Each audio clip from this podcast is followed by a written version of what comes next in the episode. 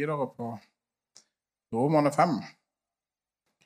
Og jeg, har masse for meg forberedt, men uh, vi får se om jeg kommer gjennom alt. men uh, jeg tenkte jeg skulle bare begynne litt med det som uh, Bjørn Marie uh, avslutta med forrige gang. vi begynner fra Romerne 5 og vers 1. Da vi nå er rettferdiggjort av tro, har vi fred med Gud, vår Herre Jesus Kristus. Ved ham har vi også ved troen fått adgang til denne nåde som vi står i, og vi roser oss av håp om Guds herlighet. Ikke bare det, men vi roser oss også av våre trengsler. For vi vet at trengselen virker tålmodighet. Tålmodigheten virker prøvet sinn, og det prøvede sinn håp. Og håpet gjør ikke til skamme, for Guds kjærlighet er utøst i våre hjerter ved Den hellige ånd som er oss gitt. I de første versene her så stadfester Paulus for oss at vi har fred med Gud. Uh, Gud er ikke opprørt. Han er ikke opprørt til oss, men vi har fred med Gud. Og han har inngått en fredspakt med oss.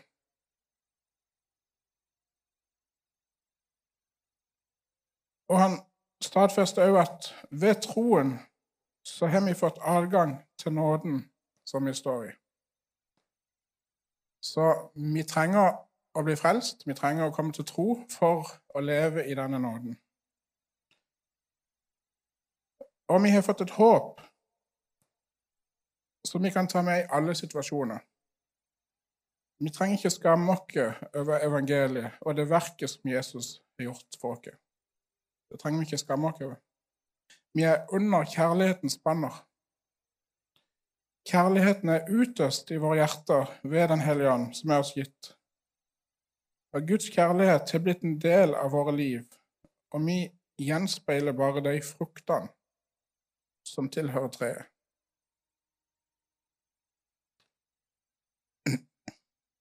Så det er litt av de det, Jeg tenkte bare skulle nevne det i forhold til de første versene her. Og så går vi videre til fra vers 6. For mens vi ennå var skrøpelige, døde Kristus til fastsatt tid for ugudelige. For knapt nok vil noen gå i døden for en rettferdig. Skjønt, for en som er god, kunne kanskje noen ta på seg å dø. Men Gud viste sin kjærlighet til oss ved at Kristus døde for oss mens vi enda var syndere. Hvor meget mer skal vi da, etter at vi er rettferdiggjort ved Hans blod, ved ham bli frelst fra vreden? For ble vi ikke eh, for ble vi forlikt med Gud ved Hans sønns død? Da vi var fiender, skal vi så meget mer bli frelst ved Hans liv, etter at vi er blitt forlikt. Ja, ikke bare det, men vi roser oss også av Gud ved vår Herre Jesus Kristus. Ved ham har vi fått forlikelsen. Det er utrolig sterke vers, dette, egentlig. Mens vi enda var syndere, så døde Kristus for. Ikke fordi at vi hadde gjort noe godt, ikke fordi at vi hadde ja,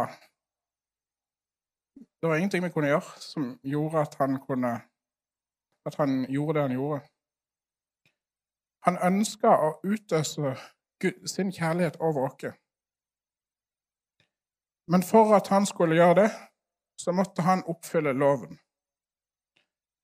Og Loven den sier jo bl.a. at du skal ikke ha andre gud enn meg. Du skal hedre din far og din mor. Du skal ikke lyve. Du skal ikke stjele. Du skal ikke begjære din nestes ektefelle, osv., osv. Vi kjenner det i ti bud. Og de kom for at vi skulle se at det er ingen som klarer å følge dem. Alle synder. Alle har synder og står uten ære for Gud. Men allikevel så døde Jesus for oss, på tross av det.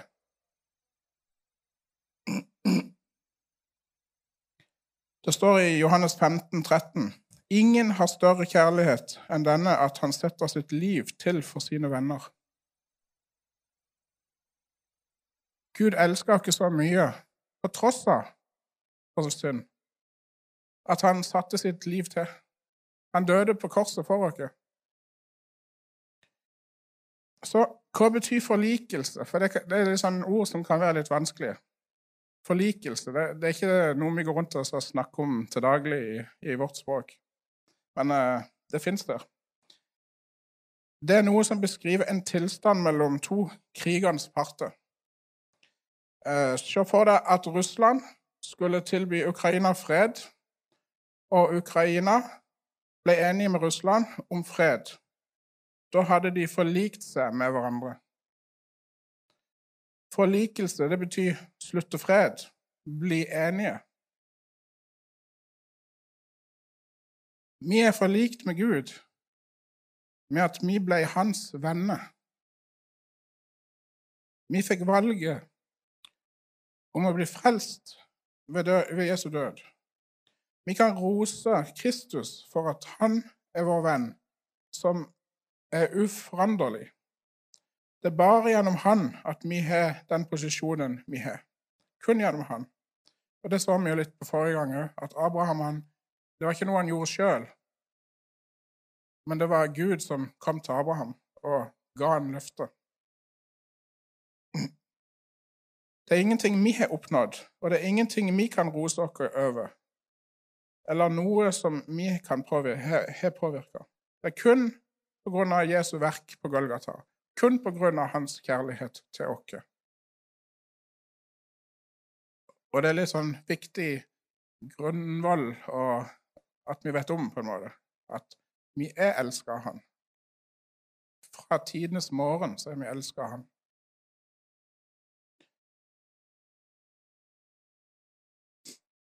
Denne forlikelsen, dette vennskapsbeholdet mellom oss og Gud, det har blitt til frelse.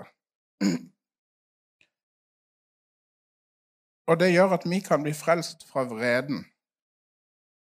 Uh, og En kan jo gå rundt og tro at Gud er vred på oss fordi at hvis du tenker israelsfolket når de vandra i ørkenen, f.eks., så gjorde de masse dumt mot Gud, og Gud ble vred. Og en kan jo gå rundt og ha det der bildet at ja, men når jeg gjør noe galt, så blir Gud vred på meg. Men det er ikke den vreden det er snakk om. For det, Gud er ikke vred på oss. Han elsker oss. Hans kjærlighet ble utøst for oss mens vi var syndere.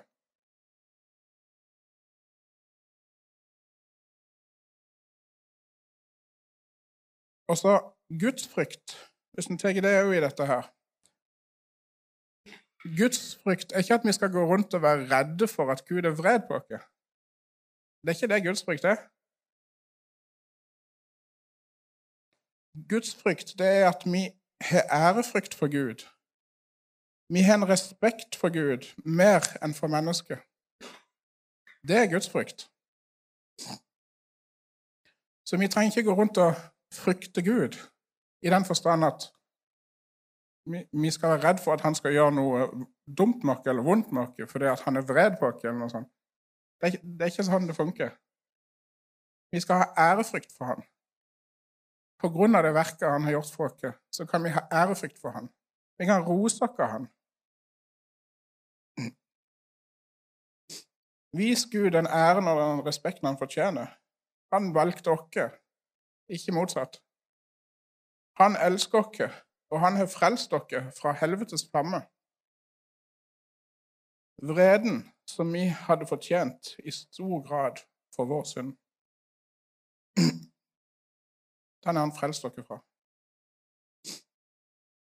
Og Så går vi videre til vers 12. Derfor, like som synden kom inn i verden ved ett menneske, og døden på grunn av synden, og døden slik trengte gjennom til alle mennesker, fordi de syndet alle. For vel var det synden i verden før loven kom, men der det ikke er noen lov, blir synden ikke tilregnet. Likevel hersket døden fra Adam til Moses, også over dem som ikke hadde syndet ved et lovbrudd, slik som Adam han som er et forbilde på den som skulle komme. Punkt to den første Adam, underlagt synd og død. Litt bakgrunnsstoff. Efesene Efeserne 1, 4-5, så står det For i ham har han utvalgt oss før verdens grunnvoll ble lagt, for at vi skulle være hellige og ulastelige for hans åsyn. I kjærlighet har han forutbestemt oss til å få barnekår hos seg ved Jesus Kristus etter sin frie viljes råd. Vi er utvalgt av hans frie viljes råd. Så han gjorde det frivillig. Og på grunn av kjærlighet så har han forutbestemt dere til barnekår. Og dette er Guds plan før menneskene ble skapt. Og når han så skaper Adam og Eva, så gir han de fri vilje, fritt valg. Og de blir plassert i Edens hage og kan spise alle de frodige fruktene i hagen. Og det var nok mange. Jeg tipper det meste av frukttrær som fins, eh, var plassert i den hagen. Og de kunne spise alt, bare ikke det der ene treet. Men de blir jo, de jo frista av djevelen. Og de spiser av dette her treet. Og synden kommer inn i verden. Og så står det i 1. Mosebok 3,8.: Og de hørte Gud, Herren, som vandret i hagen da dagen var blitt sval. Og Adam og hans hustru skjulte seg for Gud, Guds Herrens åsyn, mellom trærne i hagen.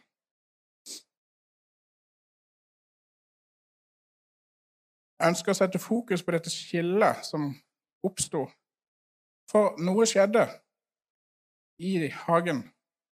Det ble et skille mellom Gud og mennesket et fiendskap, kan en jo si. Den første Adam hadde gitt fra seg nøkkelen. Han hadde gitt fra seg herskerstaven til jorda. Mennesket ga makten over til djevelen. Ja, hvordan kan du si det? Står det i Bibelen? Ja, det står i Lukas 4, 5-6. Djevelen førte eh, Det er når Jesus blir frista i ørkenen. Eh, djevelen førte ham da opp på et høyt fjell og viste ham alle verdens riker i ett øyeblikk. Og djevelen sa til ham, Til deg vil jeg gi makten over alt dette og disse rikers herlighet, for til meg er det overgitt, og jeg gir det til hvem jeg vil. Så djevelen ble den rettmessige herskeren på denne jorda når Adam og Eva synda. Og hva førte dette fallet til? Det førte til en atskillelse mellom menneskeheten og Gud. Og vi kan se at Adam og Eva de synda, og de var klar over at de hadde gjort noe galt. De skjønte det. Og den naturlige reaksjonen deres var å skjule seg for Gud. Og vi ser at Gud han vandra i hagen, og Adam og Eva de kjente igjen Guds skritt. Eller kanskje det var stemmen som kalte på dem. De kjente igjen. Men dette var en vane for Gud. Han kom til dem hele tida. Hver dag kom han til dem. Og så talte han med dem. Så vandra han med dem i hagen. Han hadde et godt vennskapsforhold, kan du si, med mennesket men de valgte det vekk på grunn av fristelse.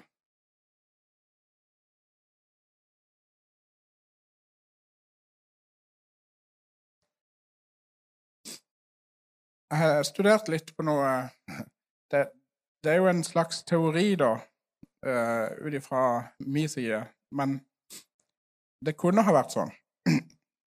Og det er at hvis vi ser på hvor gammel Adam og Eva var da de ble kasta ut av hagen Det vet vi jo ikke, for det står jo ikke i Bibelen hvor tid de ble kasta ut. Men det første hintet vi får i Mosebøkene når det gjelder alder, var i 1. Mosebok 5.3. Der står det at Adam fikk sønnen Sett da han var 130 år gammel. Var han kasta ut av hagen da? Jeg tipper jo det. Det er ikke helt sikkert, for det, det står jo ikke helt rekkefølge på årstallet. altså nå. Men vær med meg på denne, denne lille greia. Videre står det at Seth fikk en sønn som han kalte Enos. Seth var da 105 år gammel. Med andre ord så var Abraham 130 eh, år pluss 105 år, 235 år gammel når han fikk Når eh, ja, Enos ble født.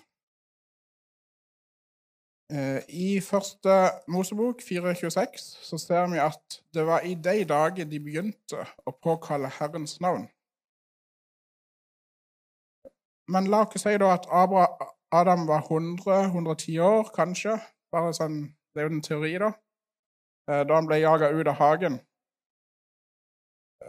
Og Abel ble drept da han var rundt si, 20 år. 25-30 år, kanskje. Jeg er ikke sikker. Et eller annet rundt der. Fordi han hadde flytta ut fra familien, og han drev som jordbruker sjøl. Det blir litt sånn vis-vis, men uh, uh, Det var i de dager de begynte å ofre til Gud.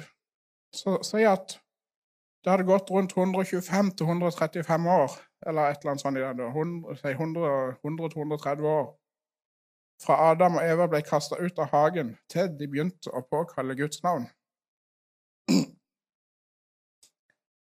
Det jeg vil fram til, det er ikke Altså, det er jo en teori, da, men uh, som Det kan ha vært sånn.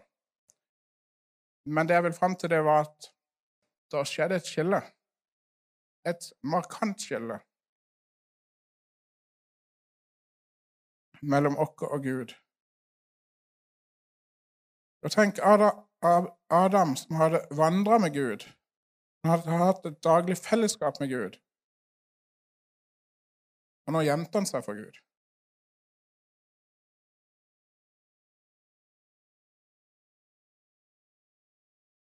Og det står ingenting om at de påkalte Gud noe særlig etter dette, før den, det her tidspunktet da de begynte å påkalle Guds navn igjen. Jeg synes det er en, en, litt sånn interessant detalj. I første Mosebok 2,7 så står det Gud Herren formet mennesket av jordens støv og blåste livets ånd i hans nese, og mennesket ble til en levende sjel. Det er ordet 'menneske' her. På hebraisk så er det Adam.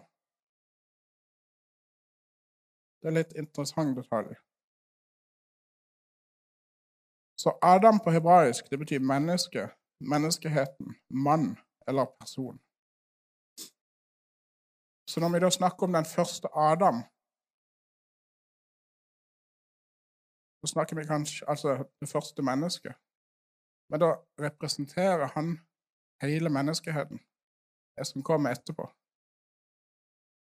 For det at hans synder, det gjorde at vi alle var ble syndere. Alle vandra i synd og død etterpå.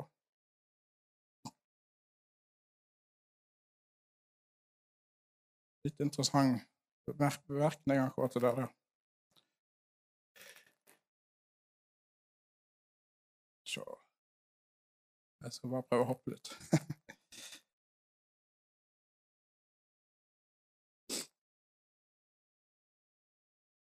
Selv om vi er tilgitt og lever i nådens tidsalder, så kan synd lage en barriere i våre liv. Når vi synder, så lever vi ikke i lyset. Og det er her omvendelse kommer inn. For En kan tenke det at ja, han lever i nådens tidsalder, han lever i nåde, men uh, hvorfor skal han da omvende seg? For det at vi har jo allerede nåde. Men greia er det at vi trenger å leve i lyset. Og for å leve i lyset så trenger vi å bekjenne vår synd overfor Gud. Vi trenger å leve i omvendelse. Og I 1. Johannes 1, 5-7 så står det Og dette er det budskap vi har hørt av ham, og forkynner dere. Gud er lys, og det er ikke noe mørk i ham. Dersom vi sier at vi har samfunn med ham, men vandrer i mørket, da lyver vi og gjør ikke sannheten. Men dersom vi vandrer i lyset, like som han er i lyset, Da har vi samfunn med hverandre, og Jesu, hans sønns blod, renser oss fra all synd. Så bekjennelse og omvendelse det er en del av prosessen med å holde oss i lyset. Vi trenger å komme til korset hver eneste dag. For dersom vi lever med korset, så lever vi med omvendelsen, i omvendelsens kraft.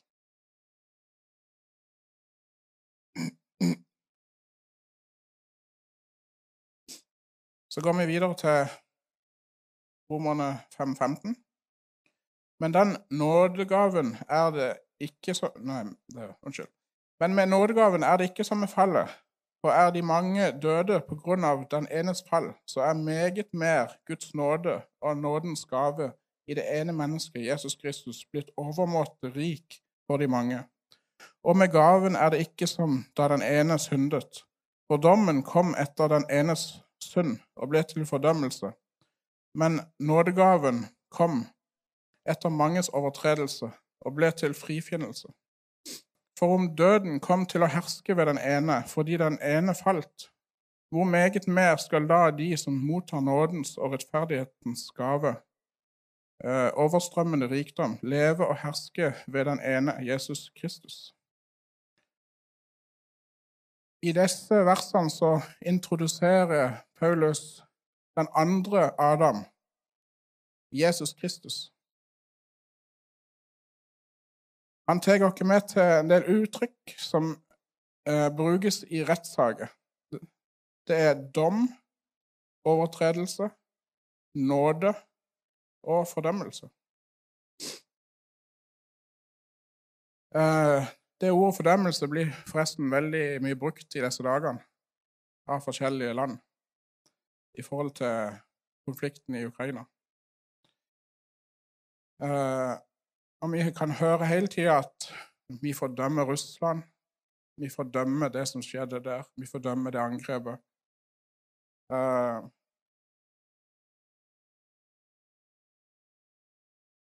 Ordet 'fordømme' det betyr å dømme til evig straff etter døden, i motsetning til frelse.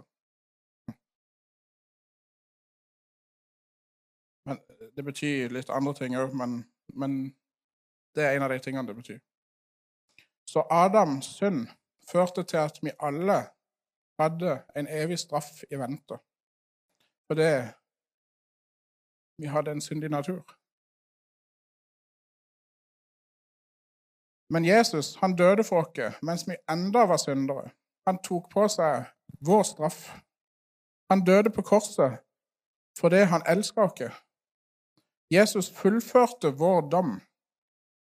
Der kommer det ordet 'dom' inn som var døden. Vi hadde egentlig en dødsstraff i vente, hvis en kan si det sånn. Men Jesus tok på seg den straffa. Våre overtredelser fortjente dom, men Jesus tok på seg alt. Han var fri for overtredelse. Han hadde ingen overtredelse. Men allikevel så tok han på seg vår straff. Og Loven den krevde blod for å fullføre dommen, og Jesu blod den rant for oss alle. Jesus bar sitt blod inn for Faderen og er der vår ypperste prest. Jesus tjener som vår ypperste prest. Og ypperste prestens oppgave det var å bære blodet fra lammet som ble slakta for folkets synd, inn i det aller helligste og stenke det på alteret for at vi skulle få tilgivelse. Og det gjør Jesus hele tida. Han er, sitter innenfor Faderen, og han har sitt blod. Han har båret sitt blod innenfor Faderen. Så en gang for alle så tok han på seg all vår synd.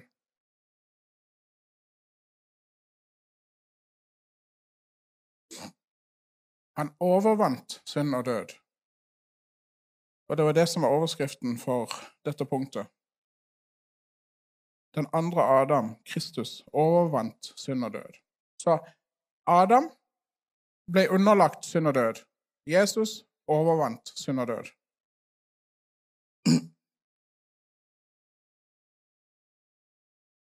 Og Derfor så kommer vi inn i nådens tidsalder når Jesus dør på korset. Adam og hele menneskeheten etter han ble underlagt synd og død, men Jesus overvant synd og død. Vi er blitt nye skapninger når vi tar imot Jesus. Så blir vi en ny skapning. Det er noe nytt som blir skapt. Noe helt nytt som aldri har vært til.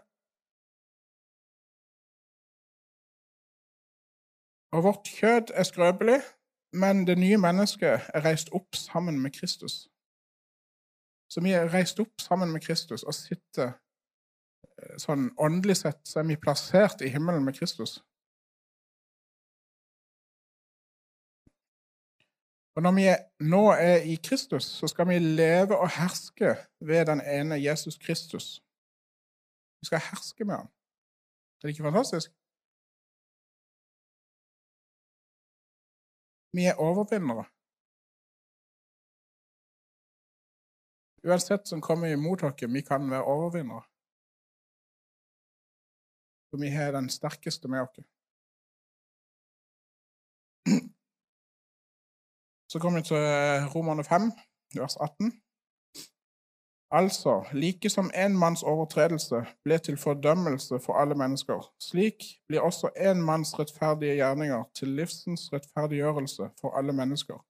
For like som de mange kom til å stå som syndere ved den ene menneskes ulydighet, så skal også de mange stå som rettferdige ved den enes lydighet. Men loven kom til for at fallet skulle bli stort. Men der synden ble stor, ble nåden enda større. Og like som synden hersket ved døden, så skal også nåden herske ved rettferdighet til evig liv ved Jesus Kristus, vår Herre. Det er fantastisk.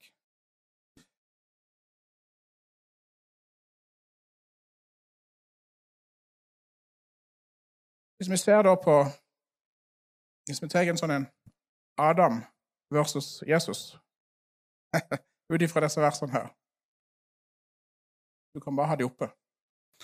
Så står det så like som en manns overtredelse ble til fordømmelse for alle mennesker, Adam, versus slik blir også en manns rettferdige gjerninger til livsens rettferdiggjørelse for alle mennesker. Ikke sant? Litt interessant å bare stille det litt sånn. Adam og Jesus. Det er klart vi vil, vi vil til Jesus. For like som eh, Neste punkt. For likesom de mange kom til å stå som syndere ved den ene menneskets ulydighet Adam, han var ulydig. Versus så skal også de mange stå som rettferdige ved den enes lydighet Jesus. Så vi har fått rettferdighet gjennom det Jesus gjorde. Vi kan stå rettferdige innenfor Gud. Og så det neste Men loven kom til for at fallet skulle bli stort, et resultat av Adams ulydighet. Versus men der synden ble stor, ble nåden enda større. Et resultat av Jesu ulydighet. Så nåden ble enda større fordi at vi var ja, vi var skikkelige syndere. Og så det neste Og like som synden hersker, hersket ved døden, et resultat av Adams fall igjen, versus så skal også nåden herske ved rettferdighet til evig liv ved Jesus Kristus, vår Herre. Så en ser det at du har den første Adam, som hersker ved, ved død og, og, synd. Altså død og synd som hersker. Og så kom Jesus. Så er det nåde og rettferdighet som hersker. Vi er rettferdiggjort av nåde. Vi er rettferdiggjort. Kan en si det sånn? Vi er ferdiggjort på en rett måte. Og det er gjennom Guds verk på Golgata. Vi kan ikke rose oss sjøl. Vi gjorde ingenting for at dette skulle skje. Du så jo hvordan det gikk med Adam når han handla i kjødet. For det, dette eh, Her blir jo egentlig kjødet og ånden, altså kjødet versus ånden, introdusert som en sånn et prinsipp. Og det kommer, kommer mer inn på i, videre i romerbrevet. Men kjødet og ånden, altså kjødelige mennesker og det åndelige mennesket.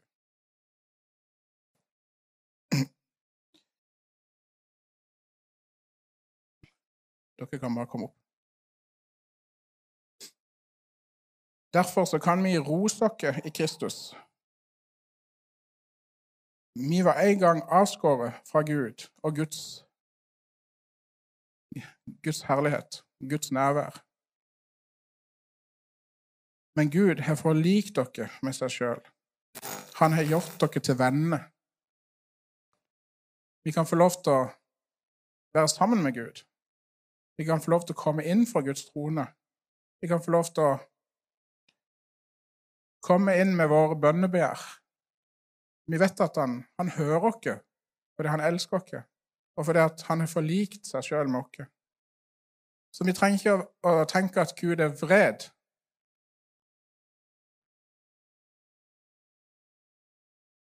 For det er han ikke. Han vil gjerne hake innenfor inn for seg sjøl. Han vil gjerne ha, seg, hake inn i sitt nærvær.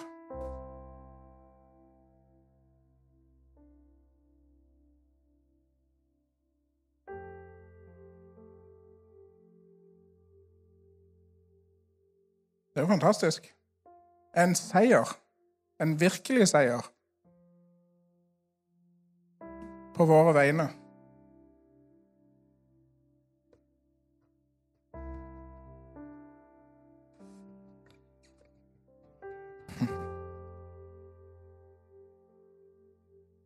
Jesus. Mm.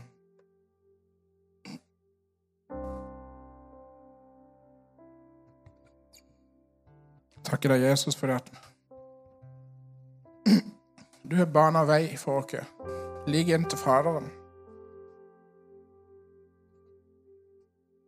På tross av at vi var syndere, på tross av at vi kan gjøre dumme ting, så elsker du oss så bana du en vei inn til Faderen. Du døde på korset for oss. For at vi skulle få fred med Gud.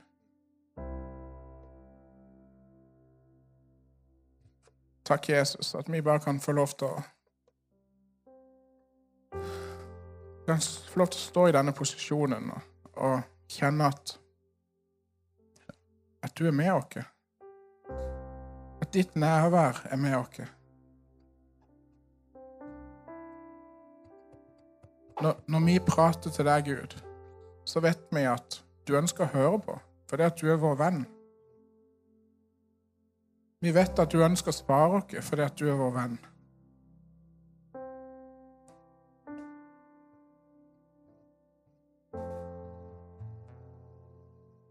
Takk at vi bare kan få lov til å komme inn i ditt nærvær nå. Jeg får lov til å kjenne at du jobber med oss. Jobber i vår, vårt indre. Jesus.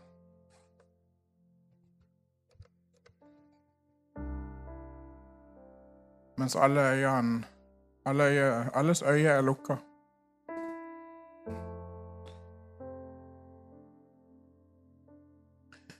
Gud han har inngått fred med oss.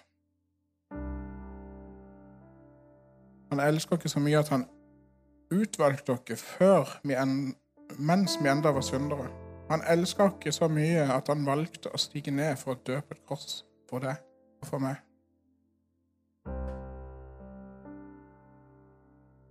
Av nåde så er vi rettferdiggjort. Vi kan stå framfor Han, foran Gud, på grunn av Jesu verk på korset. Det er tilgjengelig for oss. Dersom du sitter her og ikke kjenner Jesus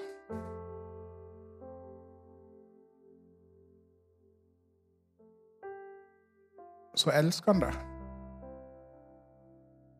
Og han har strakt ut ei hånd til deg gjennom at han døde på korset. Han er ikke din fiende. Han er ikke sint på deg, ikke vred på deg.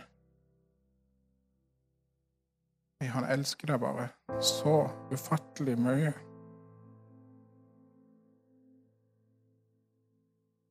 Han sier til deg, 'Velkommen til å ta del i frelsen'. Den er gratis. Adam valgte synden og dødens vei. Men Jesus han har vunnet seier for deg. Han har gitt deg en framtid full av håp. En evighet sammen med han i himmelen.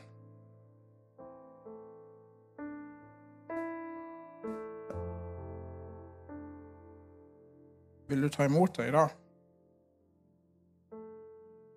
Hvis du er her som ikke som ikke har tatt imot Jesus, heller. hvis du bare vil stadfeste det for Jesus, kan du rekke opp i hånden.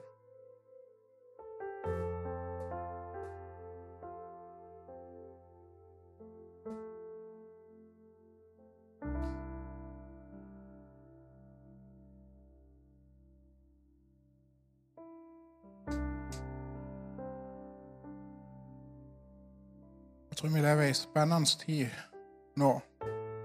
Vi ser det er mye urolighet rundt. Vi ser det er ja, mye ondskap rundt i verden. Men samtidig så tror jeg Gud holder på å gjøre noe spesielt rundt i menighetene. Han holder på å forberede dere for den tida som ligger foran der vi skal gå ut og vinne mennesker for Han.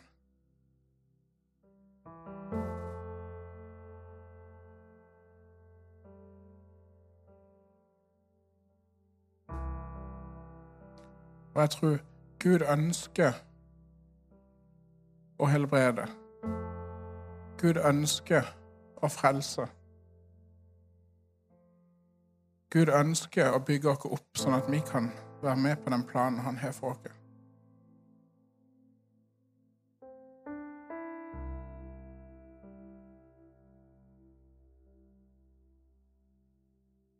Takker deg, Herre, for det at vi som sitter her inne, Herre Du har en plan for oss alle. Takk, Jesus, at vi kan få lov til å bare gå inn og lese ditt ord. Vi kan få lov til å be, søke deg, Jesus. Og vi kan få lov til å forberede dere på at du holder på å gjøre noe i dette samfunnet. I Norge, i Lyngdal, i Europa, i Ukraina. Takk, Jesus, at vi er dine redskaper. Vi er dine redskaper. Du trenger oss for at andre skal høre om, om deg. Jeg ber om at du skal gripe våre hjerter, Jesus. Jeg ber om at du skal vise oss ditt hjerte, så vi kan få den samme nøden for det du er opptatt av. Jesus.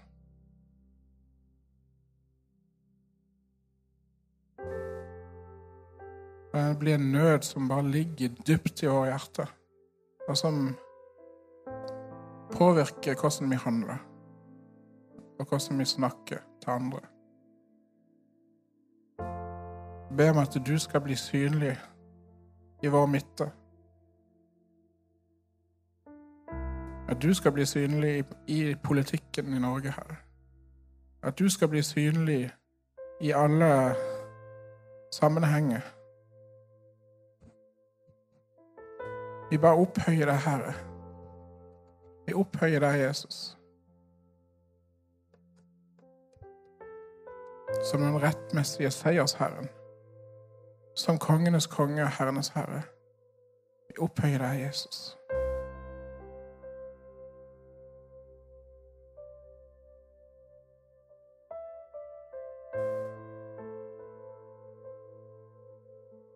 Be om at din vilje skal skje på jorda. Som i himmelen. Jesus.